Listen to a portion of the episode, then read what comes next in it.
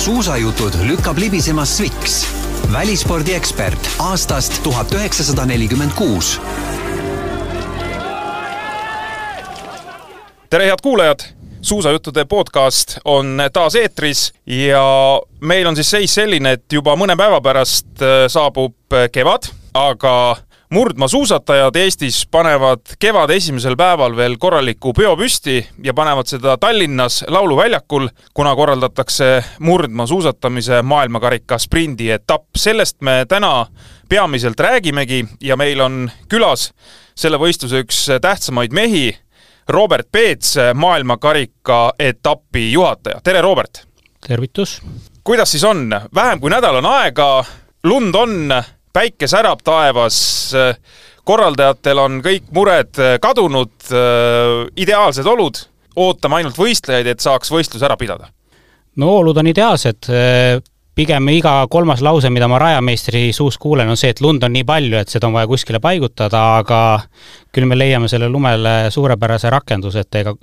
laskumistel on vaja viraaže ehitada ja finišisirge, mis on ajalooliselt maailmakarika üks lühemaid, me saame seda lund kasutada, et äh, lõpus saab natukene vastu mäge ka suusatada, et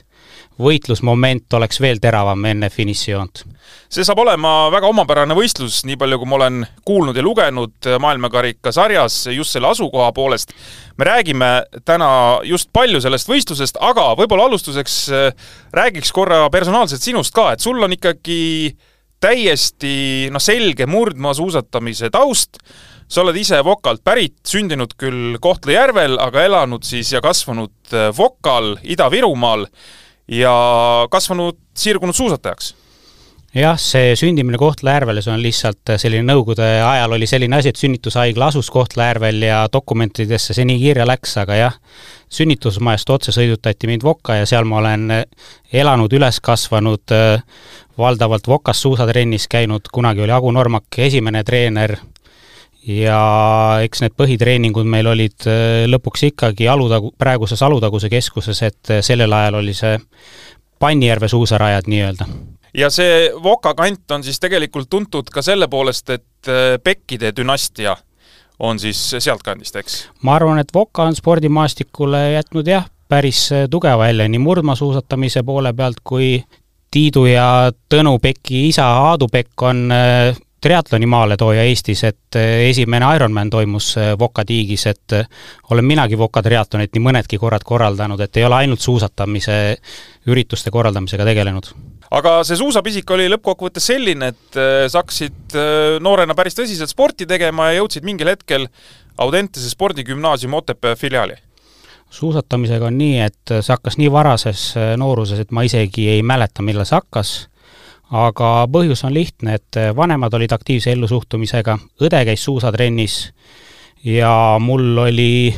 mitu aastat vaja tõestada, et ma saaksin suusatrenni, meid ei võetud vastu, sest ma olin liiga noor, ei tahetud võtta, ma veel koolis ei käinud, aga ma tahtsin trennis käia. kui ülejäänud sõbrad Kelgumäel olid kelkudega, siis mina olin alati murdmaasuuskadega, et nendega oli hoog suurem, hüpped pikemad ja üldse oli lõbusam aga enne kooli minekut äh, toimus üks kohalik võistlus, et äh, kui ma selle võitsin, siis äh, peale seda argumendid treeneril lõppesid ja mind võeti suusatreeningutesse. miks sinust ikkagi siis päris nii-öelda tippsportlast ei saanud, et sa oled küll Eesti juunioride meister, ma vaatasin, aga päris täiskasvanute sporti väga ikkagi ei jõudnud? U kakskümmend kolm aastal jah, olin Eesti meister, aga see hooaeg oli selline, mis mul lõpus jäi juba poolikuks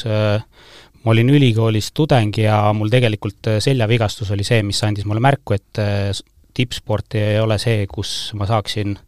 nagu kuhugile jõuda, et kui mul selgroo diski L4 ja L5 vahel nagu üks äh, ketas ei ole selline, nagu ta olema peaks, et ma tegelikult viimane hooaeg, kui ma sporti tegin, siis kaks pool kuud mul uni oli tugevalt häiritud, et mul arstid ütlesid, et me võime opereerida, aga suure tõenäosusega on see, mis tuleb tagasi, et ega see mind ala juurest minema ei peletanud, et eh, sealt edasi on ju suusaklubi juurde satutud ja korralda-, ürituste korraldamisega tegeletud, et eh, suusatamine on endiselt ala, mis pakub rõõmu ja tegelen sellega igapäevaselt põhitöö kõrvalt mingil hetkel, no sa rääkisid juba, et Alutaguse suusaklubi maratonid, kõik asjad, mis seal on, siiamaani maratoni korraldad, eks? jaa, ikka. et äh, mingil hetkel hakkasid ka Rahvusvahelise Suusaliidu pidi üritustel käima, said äh, FIS-i litsentsi, tehnilise delegaadi litsentsi kahe tuhande kaheksandal aastal. Äh, just, see kogu protsess sai alguse sellest, et kaks tuhat kuus aasta kui ma alustasin magistriõpinguid Tartu Ülikoolis, siis äh, kohalik äh, minu endine kodusuusaklubi, Alutõugu suusaklubi vajas äh, juhti. ja sellel ajal olid siis viie omavalitsuse vallavanemad olid klubi juhatus ja nad arvasid, et mina võiksin selles ametis olla, mille mu isa laitis maha, et ta kindlasti ei viitsi. et Tartus siin hakata distantsilt midagi tegema, aga kui mulle seda ideed tutvustati, siis mulle idee väga meeldis, kaks tuhat kuus ma seda alustasin ja sellega kaasnes ka kohe Alutaguse maratoni korraldamine ja Eest-, Eesti Suusaliidu noortesarja etapp tuli meie keskusesse ja eks siis ma jäin Suusaliidu inimestele vist natuke silma, et äh, keegi, kes teeb äh, silm särades äh, spordiüritusi, et kaks tuhat seitse aasta siis Vahur Leemets kutsus mind Otepää maailmakarikale tehnikakontrolli ühte punkti filmima sportlaste määruste pärast tehnikat sinna sa said minna ilma igasuguse ja. litsentsita, eks? see on äh, tavaliselt äh, maailmakarika korraldusmeeskond siis otsib kedagi, kes on suusataustaga, kes saab aru, mida klassikatehnika tähendab või ei tähenda ja siis äh, sinu ülesanne on filmida üles mingid asjad, suusatamine ja kui seal on mingeid määruste rikkumisi, siis see video läheb edasi žüriile arutamiseks. et esimene aasta ma olin lihtsalt ühes tiimis nii-öelda see filmimees sealt äh, tuli materjali päris korralikult, nii et aasta hiljem äh, ma olin äh, nende kõikide videotiimide juht siis juba maailmakarika korralduses. ikka Otepääl? Otepää maailmakarika mhm. -huh. puhul, jah. ja siis kaks tuhat kaheksa aasta sattus FIS-i tehniliste delegaatide seminar toimuma Eestisse, see oli minu meelest ha-, toimus Haanjas, noh. ja sellest hetkest siis ma sain FIS-i tehnilise delegaadi paberid tehtud ja kaks tuhat üheksa olin esimesel Skandinaavia karikal Soomes tööl samal aastal äh, Otepää maailmakarikal tehniline delegaat, et seal sattus olema tehniline delegaat Kanadast, minu sama nimega Robert Hawk oli ta nimi, tema assistent Jussi Brükari, kellega ma hilisemalt olen väga palju koos töötanud, kes tuleb ka siia Tallinnasse meile appi. ja see tehniline delegaat kirjutas peale võistlust FIS-i kirja, et äh, see noormees on see, kes peaks töötama maailmakarikal selles ametis nii palju kui võimalik ja siis sealt edasi läks, kaks tuhat kümme aasta olin ma, ei, kaks tuhat kümme oli siis Otepää maailmakarikal olin rahvuslik tehniline delegaat ja kaks tuhat üksteist hooaeg siis juba Davosis ja Val di Femmes Tour de Ski'l tehnilise delegaadi abi. tänasel päeval sa olid maailmameistrivõistlustel ametis tehnilise delegaadina ja see oli siis juba kolmas kord maailmameistrivõistlustel sul olla ametis. kas sa oled olümpiamängudele ka juba jõudnud? olümpial ei ole ma olnud. aga jõuad? see ei ole minu otsus. Võib juhtuda, ma ei tea. eks aeg näitab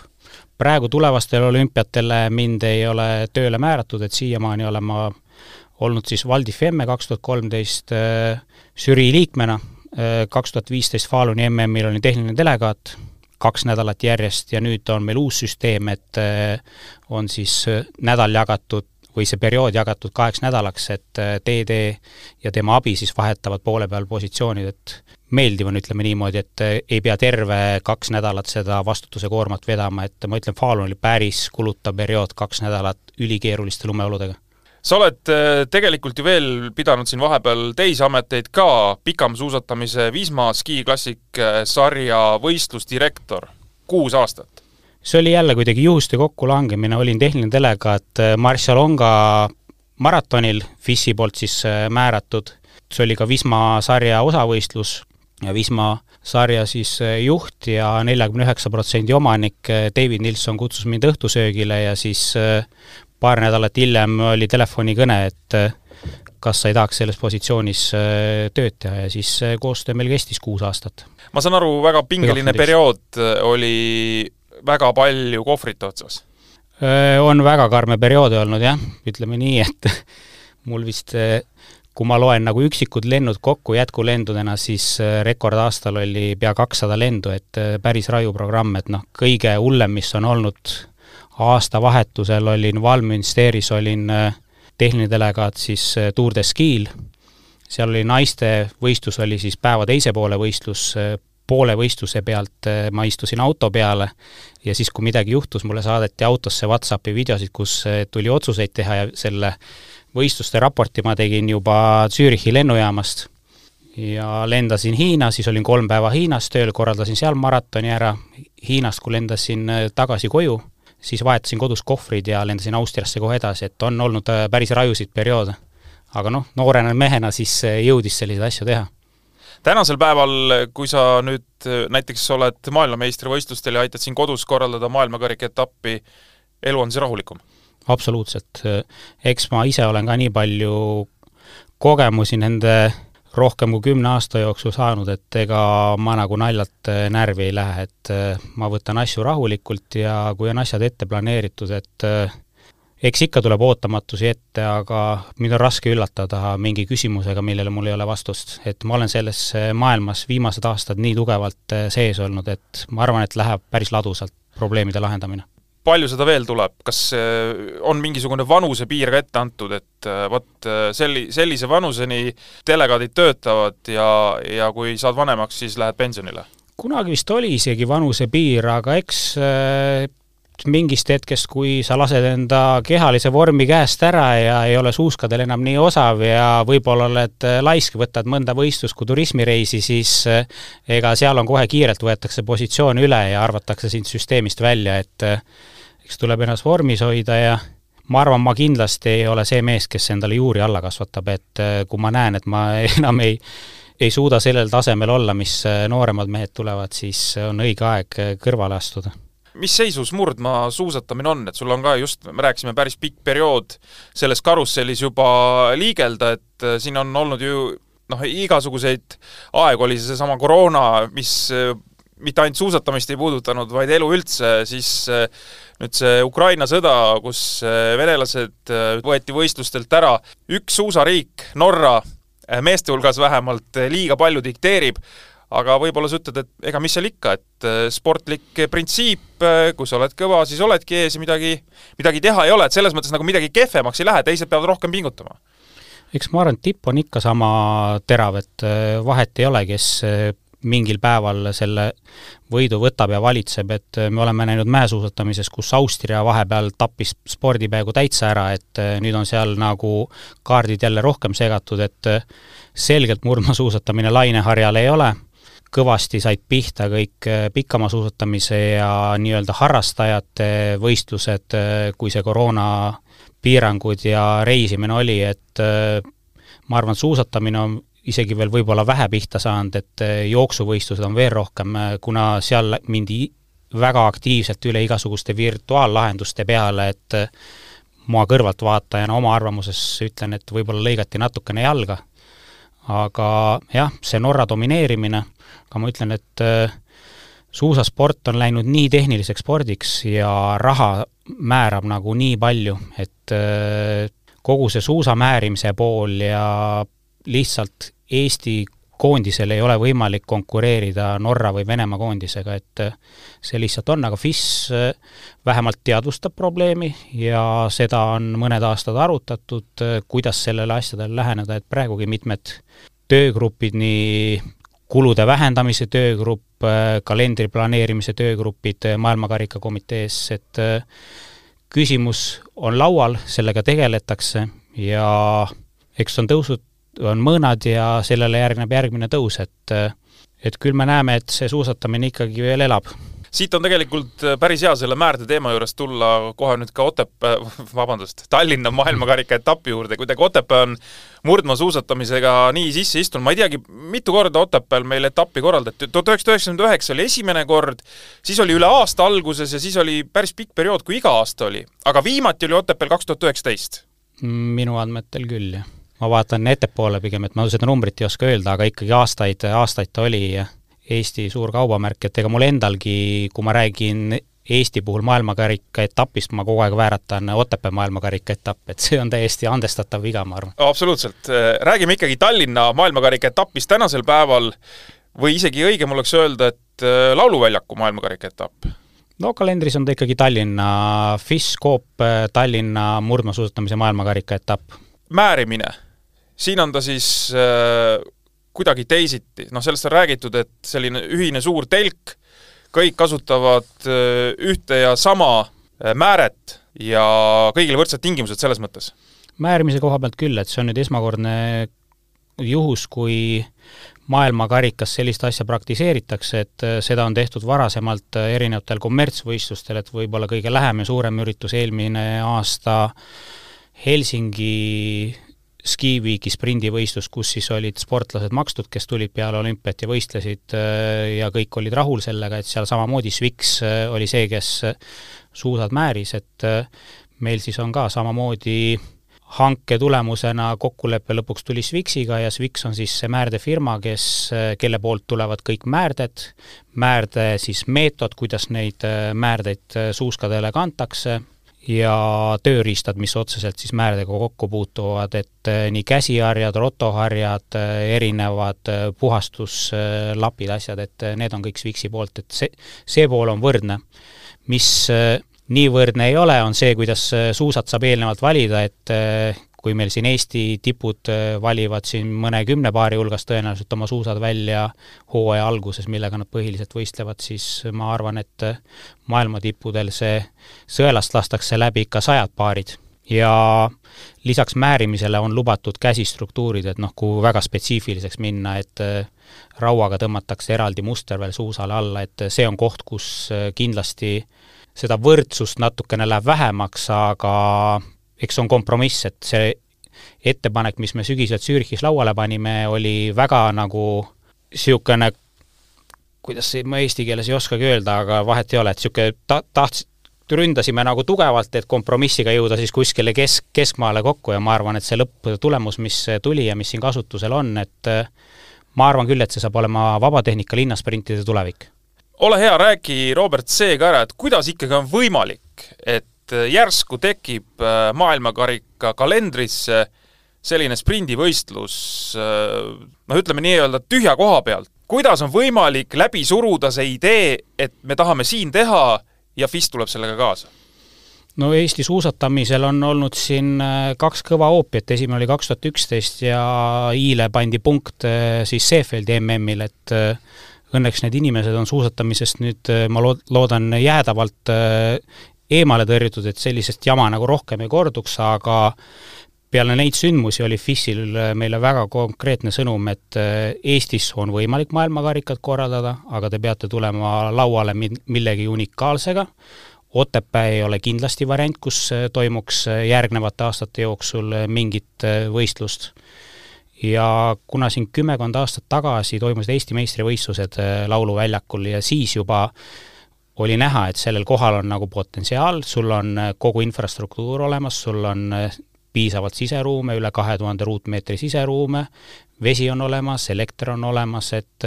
sul on kõik tingimused olemas, pluss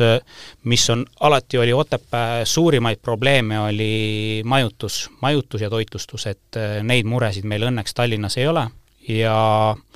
olles ise üle kolmekümne erineva maailmakarika etapi tööl käinud üle maailma, siis äh, ei ole teist sellist võistluspaika, kus lennujaamas sa sõidad üheksa minutit võistluspaika ja sadamas sõidad kuus minutit äh, võistluspaika, et äh, kõik on nii kompaktne ja mugav, et ma nüüd selle hooaja jooksul siin Tour de Ski ajal, kui Plaanitsa MM-i ajal erinevate koondise peatreeneritega rääkisin, siis pikisilmi oodatakse siia tulekut, et kõigil oli väga hea meel selle üle. Aga jah, tulles tagasi selle juurde, kuidas see siia sai, et siis äh, meile anti märku, et peab olema midagi teistmoodi ja meil siin mõned aastad tagasi toimus tehniliste delegaatide siis Skandinaavia osa seminar Eestis. no ta toimub rotatsiooni korras Norra, Rootsi, Soome, Eesti kordamööda, oli Eesti kord jälle ja me korraldasime selle Tallinnas. välitööd toimusid äh, Lauluväljakul, et äh, sellel ajal oli reeglite komisjoni esimees Uros Ponikvar, sloveenlane, kes siis oli ka Plaanitsa võistluste juhataja. nüüd on ta FIS-i murdmaa juht, äh, kes on kõige olulisem mees, kes määrab nii-öelda visiooni ja tulevikku ja kuhu suunas see sport liigub, et tema oli lauluväljaku välitööde ajal seda nähes, mis seal on, väga positiivselt meelestatud ja andis meile selgelt usku, et minge oma plaanidega edasi, pange konkreetne plaan lauale ja ta ei näe probleemi, miks te ei võiks seda saada, et taotlesime teda esimest korda eelmine aasta. ta oleks toimunud kakskümmend neli veebruar, aga kuna see jäi nii äh, lühike aeg peale olümpiat ja enne lahti maailmakarikat, siis äh, maailmakarikakomitee hääletus, äh, mis toimus, see oli online koosolek, siis kahe häälega jäi puudu, et Eesti ei saanud seda võistlust eelmine aasta. ja siis me läksime uue taotlusega enne seda hooaega välja ja pakkusime siis äh, kakskümmend kaks märtsi. komitee arutas seda ja suhteliselt ühehäälselt äh, otsustati, et Eesti saab selle võistluse, aga kakskümmend kaks märts muutus kahekümne üheks, kuna logistiliselt peale Falunit ja enne Lahtit ja Soomes toimub veel Helsingi skiviik, äh, kus on eraldi selline show sprint, et need üksteist äh, konflikti ei läheks ja ei segaks, et äh, siis nihutati see kahekümne esimesele märtsile. et just olin lõunal Soome rajameistriga, kes rada teeb, et tuli välja, et see on tema sünnipäev, kakskümmend üks märts on ta sünnipäev. Mis on ühtlasi ka minu sünnipäev, päris huvitav kokkusattumus. Absoluutselt, et sa saad sünnipäeval korraldada maailmakarika etappi väga meeldiv on kutsuda sõpru sellisele suurele sünnipäevapeole, et äh, ise oma eelarvest ma ei suudaks äh, sellist sünnipäevapidu korraldada. aga see sprindiprogramm pärast plaanitsa maailmameistrivõistlusi on tegelikult äh, muljetavaldav, et neliteist märts oldi Trammenis, klassikasprint, siis tuleb nüüd kaheksateistkümnendal märtsil Falunis siis Tallinnas ja nii, nagu sa mainisid, et lahtis ja siis ma saan aru veel nii-öelda show-võistlus ka veel mm. pärast äh, seda Helsingis. sprinterite kõige kibedamad päevad hooajal jaa, eks on kalendrisse kuidagi niimoodi sattunud, et tegelikult äh, kui me vaatame nagu laialt üldse maailmakarika kalendrit, siis äh, käib tugev võitlus, et oleks rohkem vabasid nädalavahetusi ja vähem võistlusi. samas teine pool, kõik riigid tahavad korraldada, käib konkurents, kes saaks korraldada ja see, et nüüd need sprindid on hooaja lõppu sattunud, eks on äh, selles mõttes seotud ka sellega, et äh, maailma meistrivõistluste programm algab sprindiga, siis sprinteritele jääb, puhastele sprinteritele pikem äh, puhkeperiood, kus võiks tulla järgi sprinte, aga noh, see aasta on tegelikult sportlastele eriti karm olnud. Uus punktisüsteem, mis on FIS-i poolt, et esikoht saab sada, teine saab üheksakümmend viis, varem sai kaheksakümmend, et sul on põhimõtteliselt sund osaleda palju rohkem võistlusi, kui sa tahad üldkokkuvõttes äh, saavutada tugevat kohta. aga jah, et äh, meil oli mm lõppes viiekümne kilomeetriga, kuna nüüd on otsus tehtud, see veel plaanitsas ei kehtinud, et äh, kõikidel distantsidel on mehed-naised võrdsed, et hakatakse samasid distantse läbima, siis Oslo maailmakarikas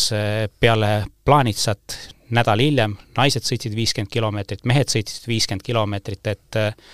ma arvan, et kui oleks olnud äh, plaanitsas naistel juba viiskümmend, siis me oleksime Oslos kahjuks näinud äh, viisteist naist sõitmas, et äh, seal, eks see on kalendri planeerimisel tulevikus asi, millele tuleb tõsiselt mõelda, et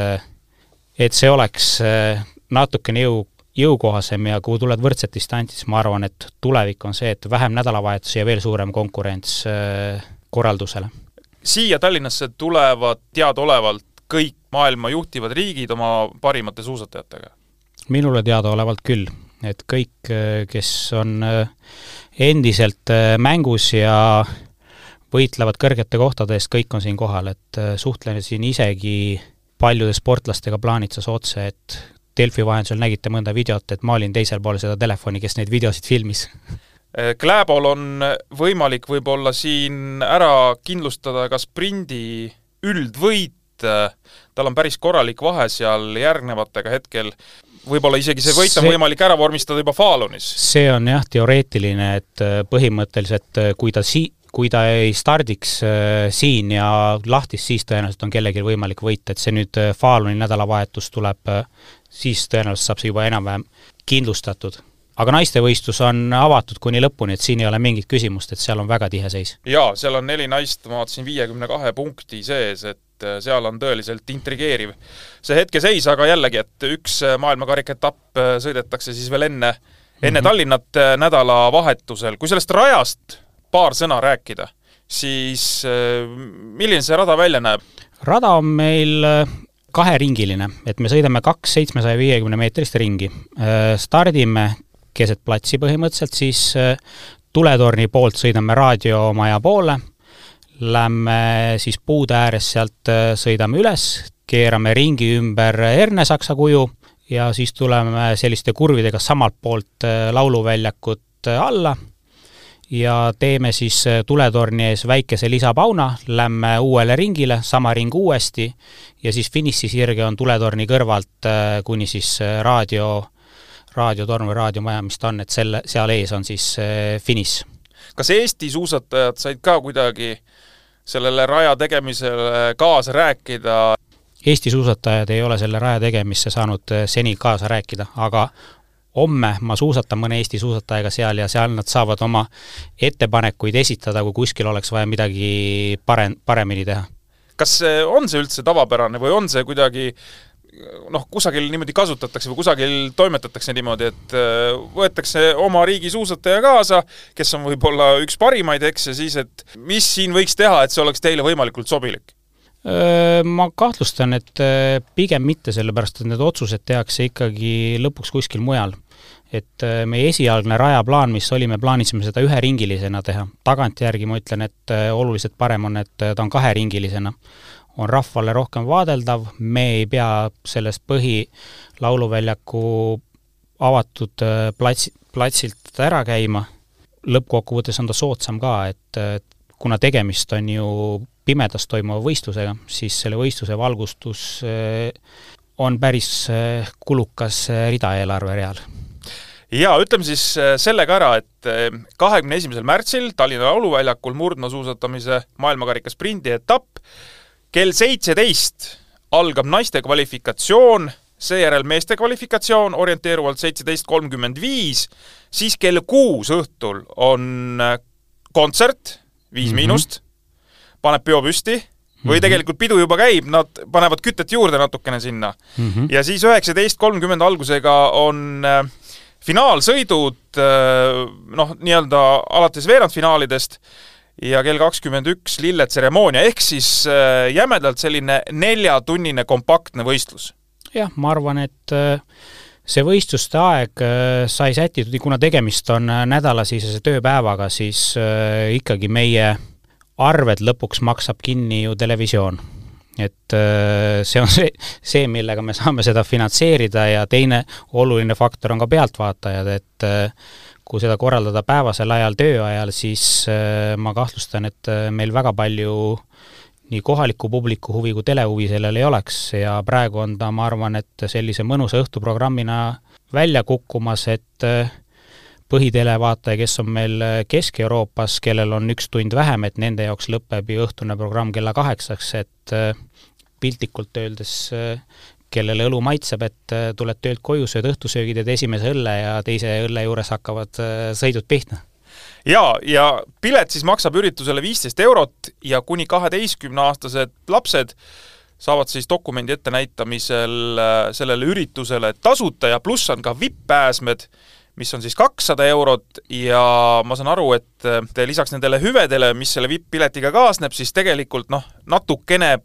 kõik need VIP-pileti ostjad panevad sellele üritusele ka õlga alla. jah, eks on väike toetus äh, ürituse eelarvesse, et, et äh, aga VIP-piletitega on see, et ega neid väga palju järgi ei ole, et äh, see toode on päris atraktiivseks osutunud. mis see prognoos teil on, palju võiks või peaks vaatajaid tulema? meie miinimumeesmärk on neli tuhat pealtvaatajat, ma arvan, et see on teostatav, eks kuna siin ongi pileti hind on viisteist eurot, et naljaga pooleks, et äh, Viite Miinust sellise hinnaga sa kuskil mujal kuulata ei saa, et see odav pileti hind on niisugune kahe otsaga asi, et on nagu soodne tulla, aga samas see teeb selle, et inimesed oma tulemise otsuse lükkavad viimasele minutile. et lõpuks väravast ostes on see pilet sama hinnaga ja siis meil on lihtsalt ainukene, mis mis me saame teha, on äh, väga hea kokkulepe ilmataadiga, et ilm oleks ilus ja hea, et äh, eks paljud inimesed teevad oma tulemise, mittetulemise otsuse viimasel hetkel, aga kui palju üldse rahvast mahuks sinna? kas te olete selle ka välja kalkuleerinud? ei ole kalkuleerinud, aga teades, mis Lauluväljakul toimunud on ja kuidas seal muud üritused toimuvad, siis kümme tuhat inimest ei oleks mingi probleem, et see, mis puudutab kohalikku infrastruktuuri võimekust, WC-d ja muud asjad, et kümme tuhat ei ole mingi probleem, et kui kümme tuhat inimest tuleb, et siis, siis ma usun, et meie eelarve on ka balansis, mis ta, ta praegu ei ole. meie eesmärk on teha see mitte lihtsalt spordivõistlusena, vaid see peab olema see, et vau, mul oli selline võistluskogemus ja sportlased, et nad kui neilt küsitakse, kuhu sa tahad tagasi minna, siis ta ütleb esimese asjana, et ta tahab Tallinnasse tagasi minna, et me, kui järgmine kord Eesti Suusaliit eh, leiab võimekust ja tahtmist seda korraldada ja me küsime, siis keegi ei kahtle ka, öeldakse, et Tallinn on see koht, kuhu me peame minema. praegu teil pikka lepingut FIS-iga ei ole? ei ole, praegu see on üheaastane projekt ja siis, kui see ära toimub, eks siis vaatame edasi. fakt on see, et iga aasta see toimuma ei hakka, kõige paremal juhul eh, üle aasta hakkab toimuma, aga eks eks see näha ole, mis tulevik toob, et praegu tuleb äh, teha see üritus väga korralikult ära ja siis me näeme, mis, mis saama hakkab. no siin hiljuti, alles mõni päev tagasi tuli teade, et äh, VTA tenniseturniiri sel aastal Eestis ei korraldata ja põhjus on see, et riik ei tule taha nii-öelda rahaliselt. see ei ole kindlasti noh, selline näpu vibutamine riigi poole, aga no, rahaline seis on selline, et ütleme, igale poole ei saa, ei saa panustada, kahjuks ei saa, loomulikult oleks äge, kui see turniir siin oleks, aga seis on selline murdmaasuusatamise maailmakarikaetapp saab ilma riigi ütleme, sellise suurema panuseta hakkama? meil on riigi panus, meil on Tallinna linna panus, meil on sponsorite panus, aga jah, me võime kahjuks äh, unistada sellisest panusest äh, riigi poolt, nagu on äh, siin mõned teised ütleme ralli või tennis näiteks? mulle meeldis siin üks spordi podcast, kus pandi lauale võrdlus, et teeme üks aasta ralli, teeme järgmine aasta Tallinn Music Weeki või PÖFFi, et äh, kultuur, sport on ka kultuuri osa minu silmis, võib-olla mõned kultuuriinimesed solvuvad selle peale, aga minu meelest need mõlemad on asjad, mis väärivad tähelepanu, et ma ei leia, et me peaks konkureerima, aga nii ta on, ega kõigi, kõigile ei jätku, aga ma arvan, et selline osa, osalejate number, et äh, kui meil on sellised äh, võistlused, kus on äh, palju sportlasi ja nende saatvat meeskonda, siis nende majanduslik mõju on suurem, kui see riik sinna raha sisse paneb, et kui me paneme siia ööbimiste arvud erinevate ürituste puhul, et siis äh, mõnele võib täiesti üllatuseks olla, et võib-olla mõni vehklemisvõistlus on hoopis kõige suurema majandusliku mõjuga võistlus või mõni võrkpalliturniir, et äh, see ei pruugi tingimata olla ralli või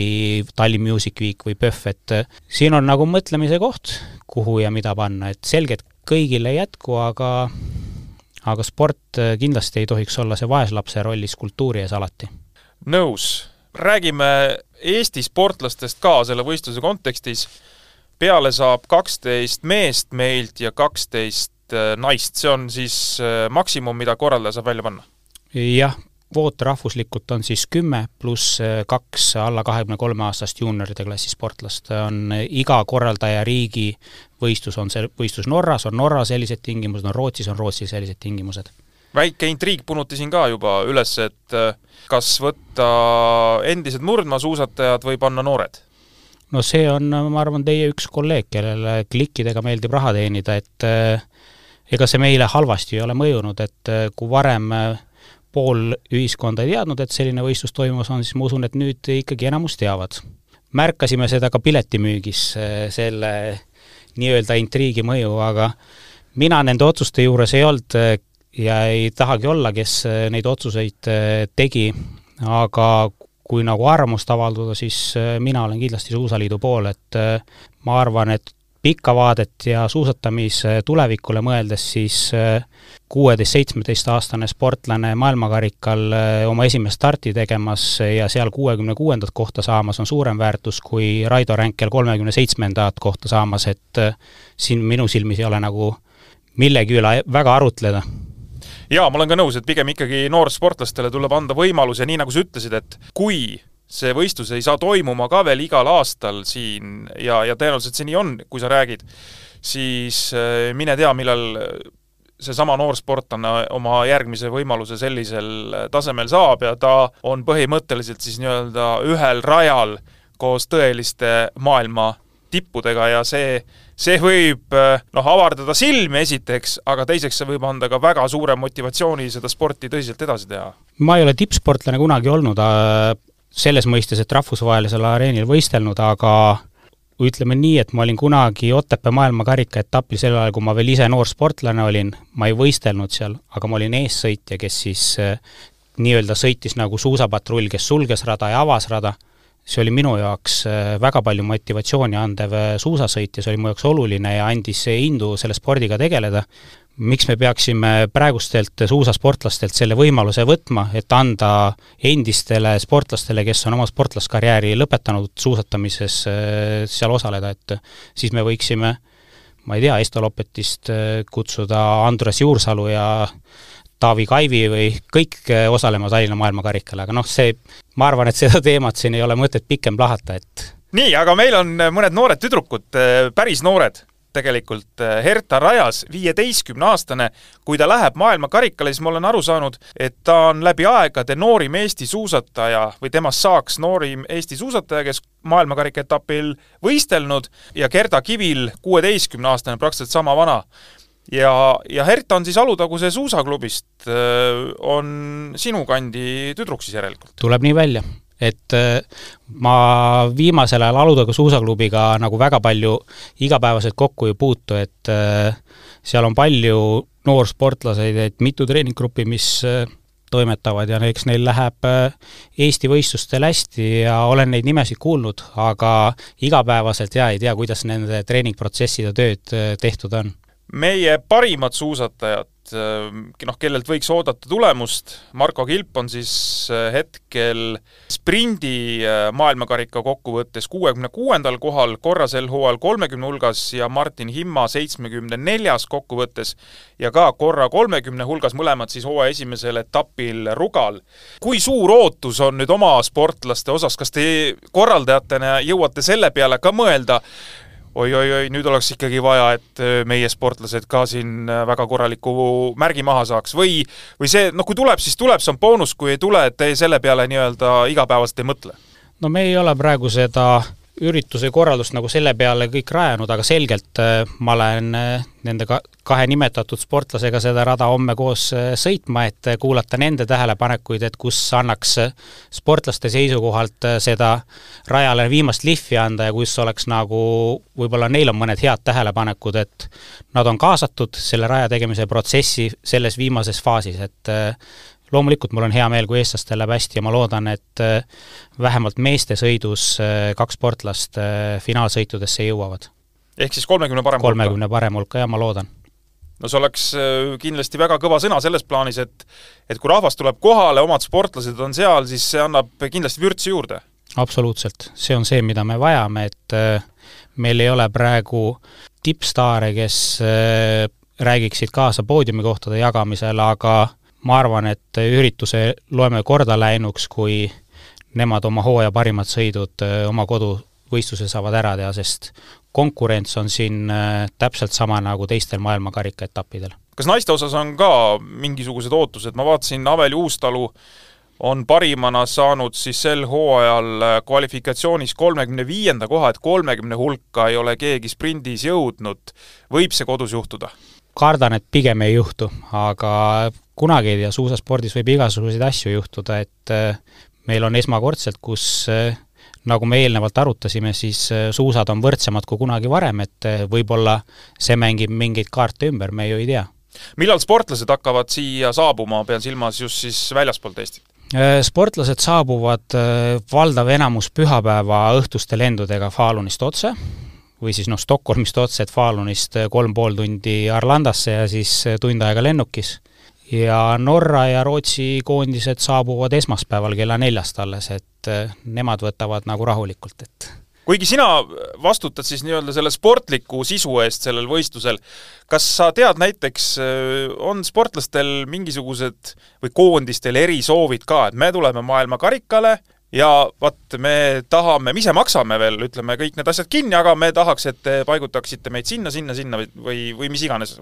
asju nii-öelda eraldi tellitakse või nõutakse? ei no meil siin nagu erisoove mingeid ei ole tulnud ja neid, eks me ikka abistame, kui kellelgi on, aga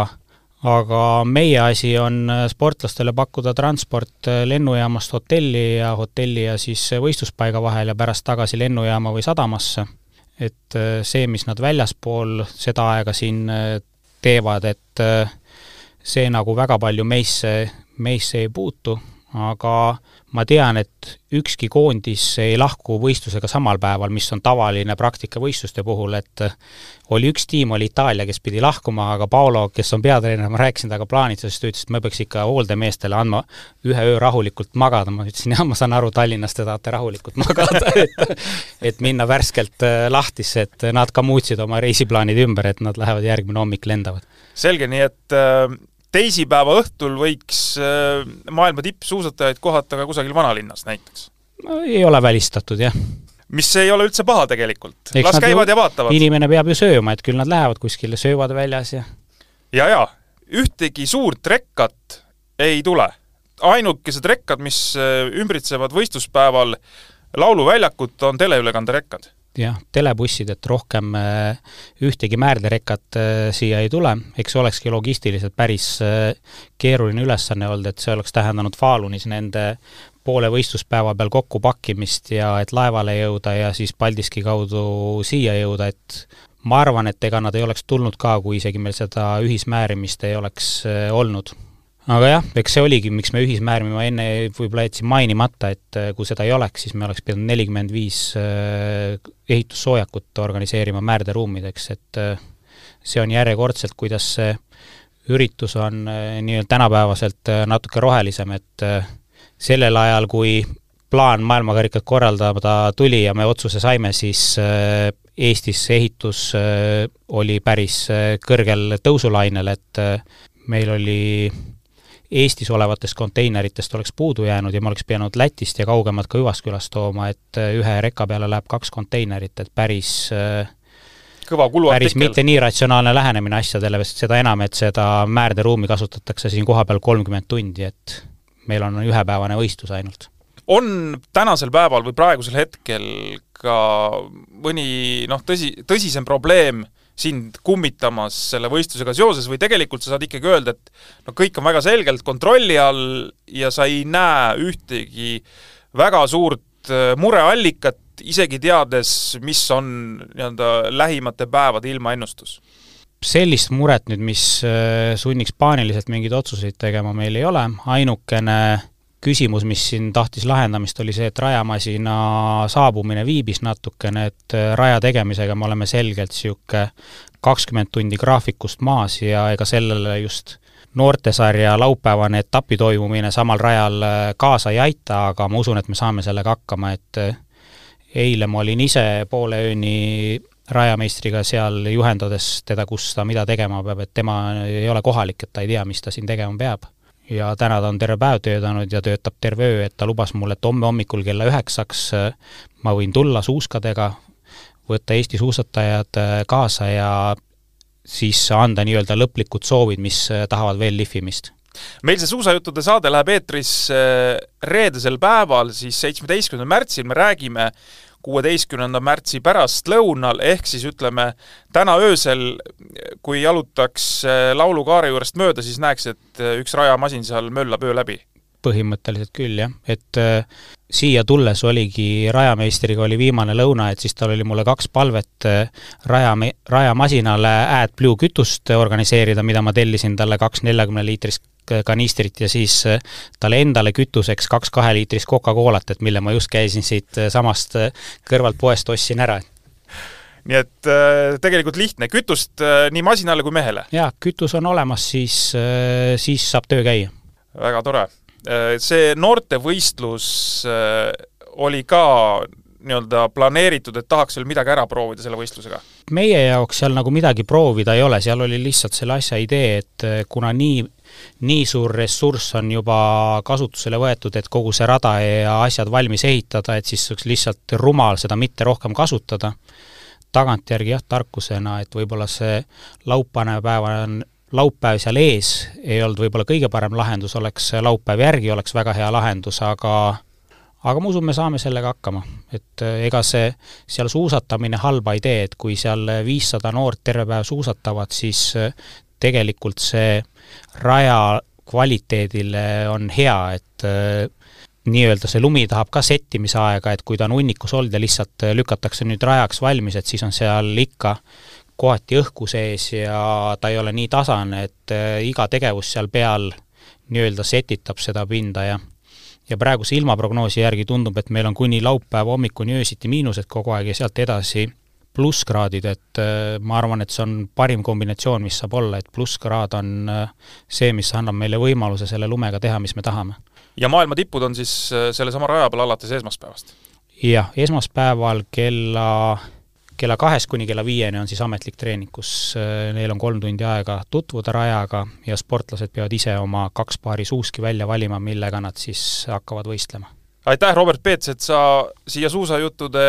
podcasti tulid, rääkisid väga põhjalikult eesootavast äh, Tallinna maailmakarika etapist ja tõesti loodaks, et see läheb korda, sest tahaks, et see maailmakarika etapp äh, kas nüüd jah, iga aasta siia saaks, aga iseenesest koht on ideaalne, kellelegi jalgu ei jää, et seal oma territoorium, piirad ära ja saad äh, väga kihvti võistluse püsti panna. jaa, kindlasti, et koht on suurepärane, et äh, nüüd on ainult küsimus, et kas noorte laulupeoks ka lumi ära sulab, et see on nüüd järgmine küsimus, millega ma arvan, tuleb hakata tegelema järgmise nädala lõpus no küll ta sulab, nii hull vast asi ei ole kuigi ma saan aru, et et seda lund, seal annaks mitu rada püsti panna praegu, jah? praegu meil lumeprobleemi ei ole jah, et saame seda kasutada isegi raja profiili muutmiseks kohati, kus vaja on. tänud sulle veel kord, aitäh kõigile, kes kuulasid ja igal juhul soovitame minna kahekümne esimesel märtsil, teisipäeval Tallinna Lauluväljakule vaatama, kaasa elama maailma murdmaasuusa tippudele ja võistlus algab kell viis õhtul ja vahepeal kontsert veel, autasustamistseremoonia kell üheksa õhtul, nii et eh, jõuab tulla ka Tallinnast kaugemalt, sõidad pärast tunnike kaks kodu poole ja oled hiljemalt üheteistkümneks kodus. Jah, mina oma maratoni vabatahtlikele tellisin täna bussi ära, et eh, nemad tulevad kõik ühises bussis vaatama ja pärast buss viib nad kõik koju peale võistlust mõnusat kevade algust kõigile kuulajatele ja ma usun, et äh, suusajuttude podcasti mõni episood tuleb äh, sel märtsikuul meil veel, aga eks see lähinädalatel juba täpsemalt selgub. kõike paremat! Suusajutud lükkab libisema Sviks, välispordiekspert aastast tuhat üheksasada nelikümmend kuus